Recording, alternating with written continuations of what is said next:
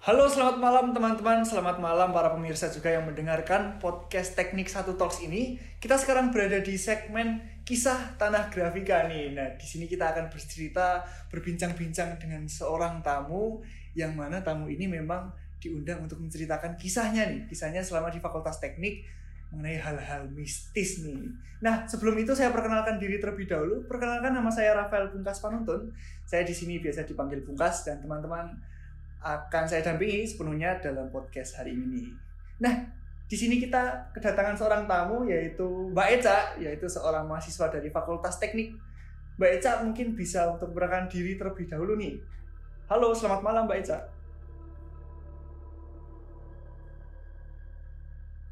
Halo, selamat malam Mbak Eca. halo, kenalin aku Eca. Halo. Oke, suaranya sudah masuk. Silakan Mbak Eca. Oke. Kenalin aku Sasana Mesa Putri, biasa dipanggil Eca dari Prodi Perencanaan Wilayah dan Kota Teknik UGM. Oke, Mbak Eca sendiri dari PWK dan angkatan 19, betul tidak Mbak Eca? Iya, angkatan 2019. Oke, berarti sudah pernah mengalami perkuliahan-perkuliahan offline nih ya. Ya, secara lah karena 19 kita tahu bahwa eh, pandemi ini baru dimulai tahun 2020. Bagaimana Mbak Eca eh, perkuliahan selama offline ini apa perbedaannya selama offline dengan daring? Mungkin bisa diceritakan nih, mungkin eh, teman-teman ingin tahu. Oke. Eh, mungkin sebenarnya kalau di PWK sendiri bedanya cuman kalau biasanya kita namanya ada kayak kalian ada praktikum gitu kan, teknik lain kita ada namanya studio. Mungkin bedanya kalau studio kita biasanya ngumpul di satu ruangan besar terus diskusi bareng-bareng nanti habis itu bisa kayak spare time-nya survei atau ngapain gitu terkait dengan eh, kawasan yang disurvei. Nah, sedangkan online gini ya eh, sulit gitu loh, kayak terbatas gitu kan pergerakannya. Nggak semua ngumpul di Jogja, terus kayak eh, diskusinya, meet-nya itu ya bisanya lebih lama durasinya dan emang kayak minim gitu aja kayak minim interaksi secara tatap muka langsung sih daripada offline. Berarti untuk perkuliahan sendiri sebenarnya lebih asik offline ya karena banyak pengalaman-pengalaman eh, bersama teman-teman tentunya ya. Iya bener banget.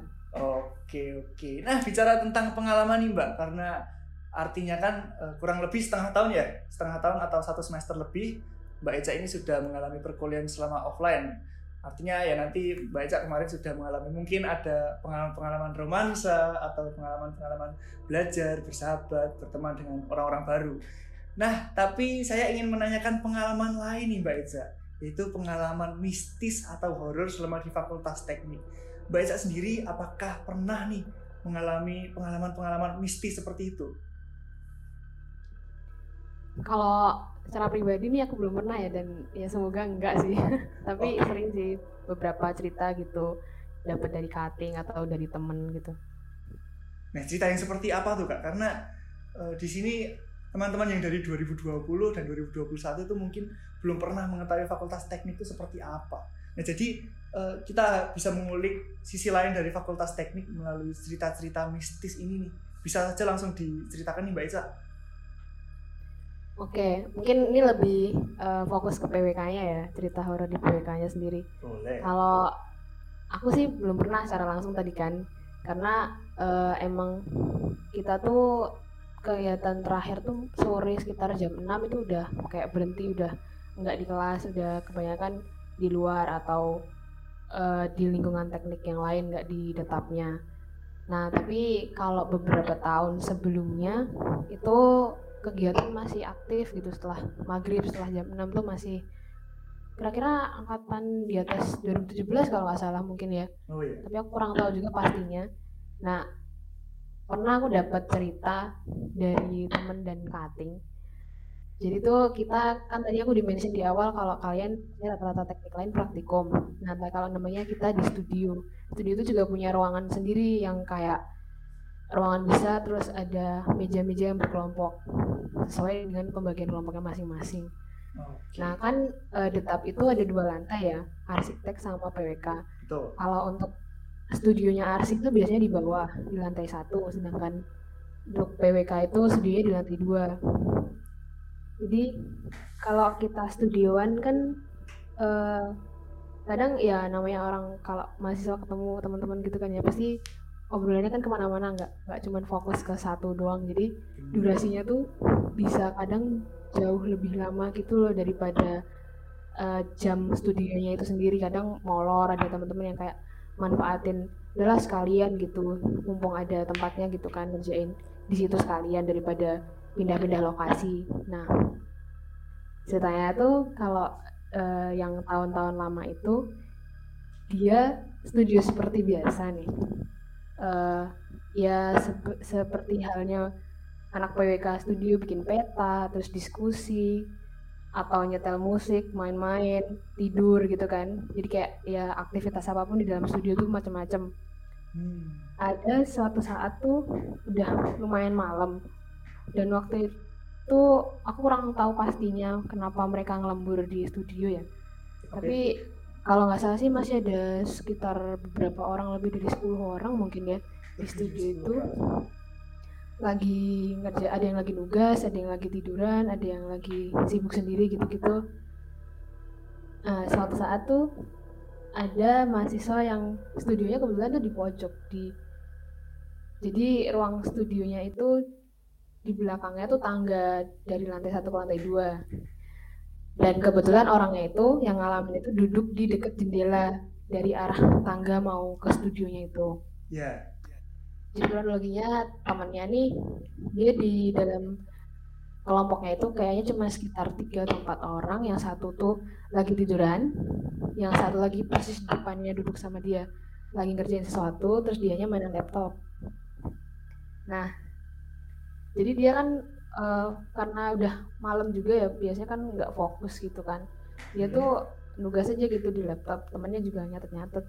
Tiba-tiba dari samping gitu kan dia persis di sebelah jendela ya, ya tiba-tiba ada uh, orang mas-mas atau bapak-bapak nggak tahu pastinya itu bawa gerobak Hah? makanan terus nawarin mas mau beli bawaan kawi nggak? Kalau nggak salah sih bawaan kawi ya atau makanan lainnya aku kurang inget juga.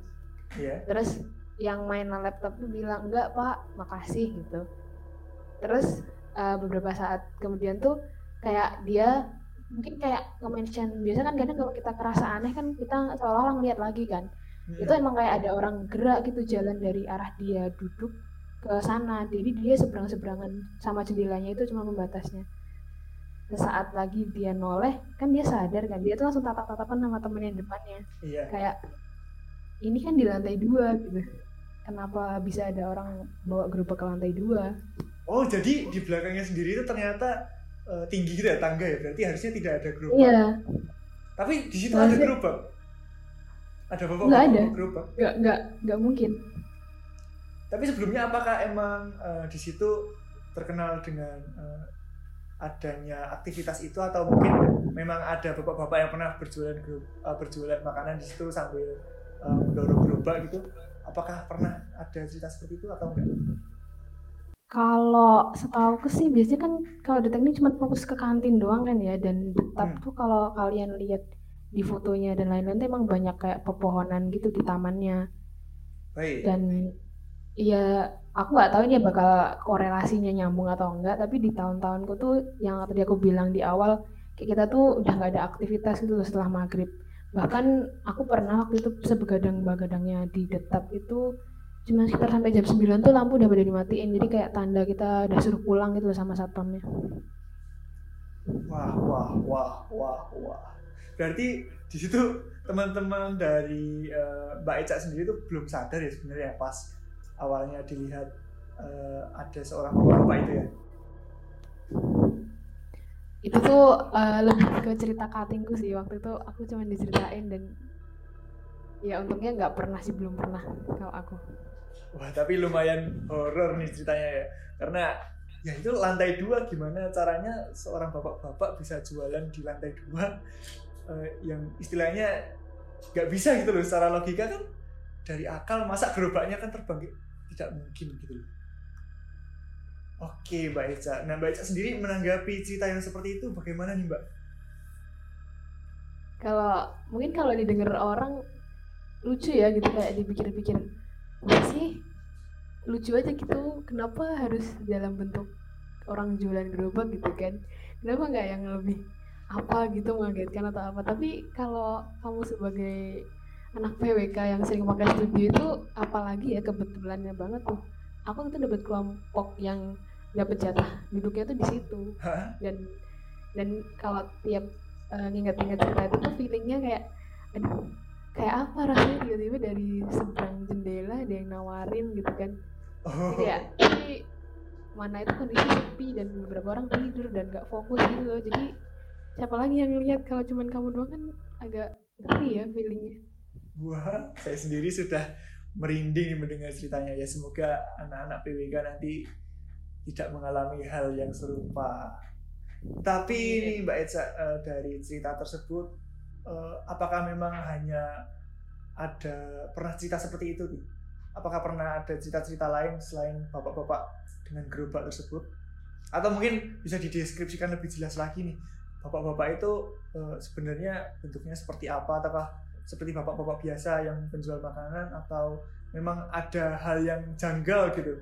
Selain e, dia berjualannya di lantai dua nih Mbak Ica. Kalau spesifiknya sendiri aku nggak ini ya nggak nggak begitu tahu. Karena mungkin itu tuh ceritanya udah dari mulut ke mulut gitu jadi kayak oh, dulu bisa. terus diceritain terus diceritain lagi diceritain lagi. Pasti kan kayak ada yang berkurang terus ada yang kayak yeah. ditambahin gitu kan. Biasa lah biasanya kalau cerita orang kan sering ada yang ditambahin atau dikurangin. Cuman kalau kalian sebenarnya mungkin kalau ngelihat ke lokasinya langsung ya kalau ngebayangin doang kan kayak agak bingung posisi tangganya posisi ruangannya terus selebar apa jendelanya. Kalau uh, apa ya kalau pas di posisi di tetapnya di studio itu lebih ke kayak tangganya aja tuh tangga ngelingker gitu tangga belokan oh, gitu kan. iya, iya. terus habis belokan tangga itu kalau ke kiri tuh ke ruang akademik terus ada toilet. Nah kalau ke kanan itu masuk selasar nanti di ujung tuh ada kamar mandi terus di samping kamar mandi tuh ada pintu masuk studio kayak gitu. Gitu sebelum area masuk studio itu agak jauh baru nanti belok ke kanan nah kalau posisinya kamu habis dari tangga belok kanan kan langsung jendela studio itu kan kadang kaget kan ya kalau ada orang apalagi kalau ada orang jualan. Iya. Yeah. pertama oh enggak. Aku mikirnya ya kenapa masnya bisa respon enggak dulu? Itu karena satu udah nggak fokus udah malam. Dan nggak ada yang ngeh gitu loh nggak ada yang kepikiran kalau itu tuh lantai dua gitu. Wow. dan asal yaudah yang penting respon aja oh. tapi setelah dipikir lagi kayak dan itu yang setelah dia tatap tatap sama temennya itu tuh bener make sure kalau itu tuh ternyata nggak ada orang di situ. Dan jam segitu gitu wah cukup cukup menyeramkan ya. Tapi mungkin uh, karena ceritanya sendiri sudah dari mulut ke mulut agak berkurang lah ya kayak originalitasnya gitu iya. tapi uh, kalau dirasakan juga kalau dibayangkan tuh juga janggal gitu loh kok tiba-tiba ada bapak-bapak gitu tapi um, dari Mbak Eca sendiri selama kan Mbak Eca ini sudah pernah mengalami perkuliahan secara offline ya dan iya. juga tadi dari cerita Mbak Eca sendiri sudah pernah uh, berkuliah sampai malam sampai jam 9 ya 9 ya paling lama tadi paling malam hmm, paling lama. Nah, Mbak Eca sendiri apakah pernah uh, merasakan deh kalau belum pernah mengalami mungkin uh, merasakan adanya uh, mungkin kayak seperti ditatap orang atau ada suara-suara atau hal-hal janggal lainnya ini gimana Mbak? Kalau kalau aku sendiri awalnya itu kan aku udah bercerita itu kayaknya masih maba banget ya. Yeah. Kayak masih awal semester satu gitu awalnya tuh biasa aja kayak ya mungkin emang bangunan lama teknik biasa lah bangunan lama gitu kan tapi pas udah cerita gitu. Nanti kayak biasanya kadang ada cerita-cerita lagi. Katanya loh katanya kayak gitu kan. Awal-awal tuh ngeliat tempat-tempat tuh jadi isinya ke cerita-cerita itu gitu loh. Kayak vibesnya kok kalau udah sore nggak enak. Kalau udah mulai petang tuh kayak udah pengen buru-buru pulang aja. Kalau nggak pengen pengen buru-buru ke ke mana gitu. Kalau dulu kan KPFT masih terang lah ya. Kita tuh biasanya kalau ngungsi ke KPFT yang lebih terang gitu daripada stay di tetap karena tuh bener-bener setelah maghrib tuh mati, mati lampu lampunya tuh dimatiin bener-bener dimatiin supaya aktivitasnya berhenti gitu. Oke okay, oke. Okay. menurut mbak Eca sendiri eh, bangunan dari jurusan PWK itu seperti apa sih mbak? Kan tadi di bawah ada RC dan di atas sendiri kan ada PWK yang sering dipakai tentunya oleh anak-anak PWK nih. Nah eh, kan tadi sudah ada cerita-cerita seperti eh, ada bapak-bapak atau ntar kalau sudah malam tuh emang sepi sudah jarang sekali ada kegiatan Eh, menurut Mbak Eca sendiri eh, apakah lingkungan dan tampilan dari eh, gedung-gedung di PWK itu menyeramkan menurut Mbak Eca gimana Mbak? Kalau menurutku, jadi kalau kalian lihat dari foto-foto yang di detak itu kan bentuknya kotak ya, terus tengahnya kayak ada taman gitu. Hmm. Kalau eh, itu lebih detail lagi, itu di bagian setiap pojoknya itu ada kamar mandi. Ya. Tapi bentuk kamar mandinya tuh kayak ngelorong, baru nanti kamar mandinya tuh di belakang gitu bener-bener di pojok-pojok belakang tiap sudut bangunan. Dan karena bentuknya yang kotak, semi kotak gitu kan, itu tuh pasti kan lorong-lorong-lorong gitu kan. Jadi sekali ngeliat jauh, sekali ngeliat jauh. Kalau pagi siang gitu mah asik gitu kan bisa ngeliat temen dari jauh. Tapi kalau malam, apalagi kalau yang aku sampai jam 9 gitu ya, Iya. itu kan udah gelap terus ngebayangin aja kadang kayak bareng-bareng sama teman-teman ih apa tuh di ujung tuh? Apa tuh? Di ujung. Gelap kan nggak kelihatan apa-apa jadi kayak ngerasanya kayak terintimidasi gitu loh. Bagi waktu itu kayaknya kejar deadline juga kan dan kondisi apa ya rame-rame orang kan ceritanya jadi kayak macam-macam ke mana-mana gitu. Kayak ini kayaknya di sana ada yang ngeliatin deh terus di situ tuh kayaknya ada ada cahaya-cahaya apa tuh kayak gitu biasanya kan orang-orang pada iseng.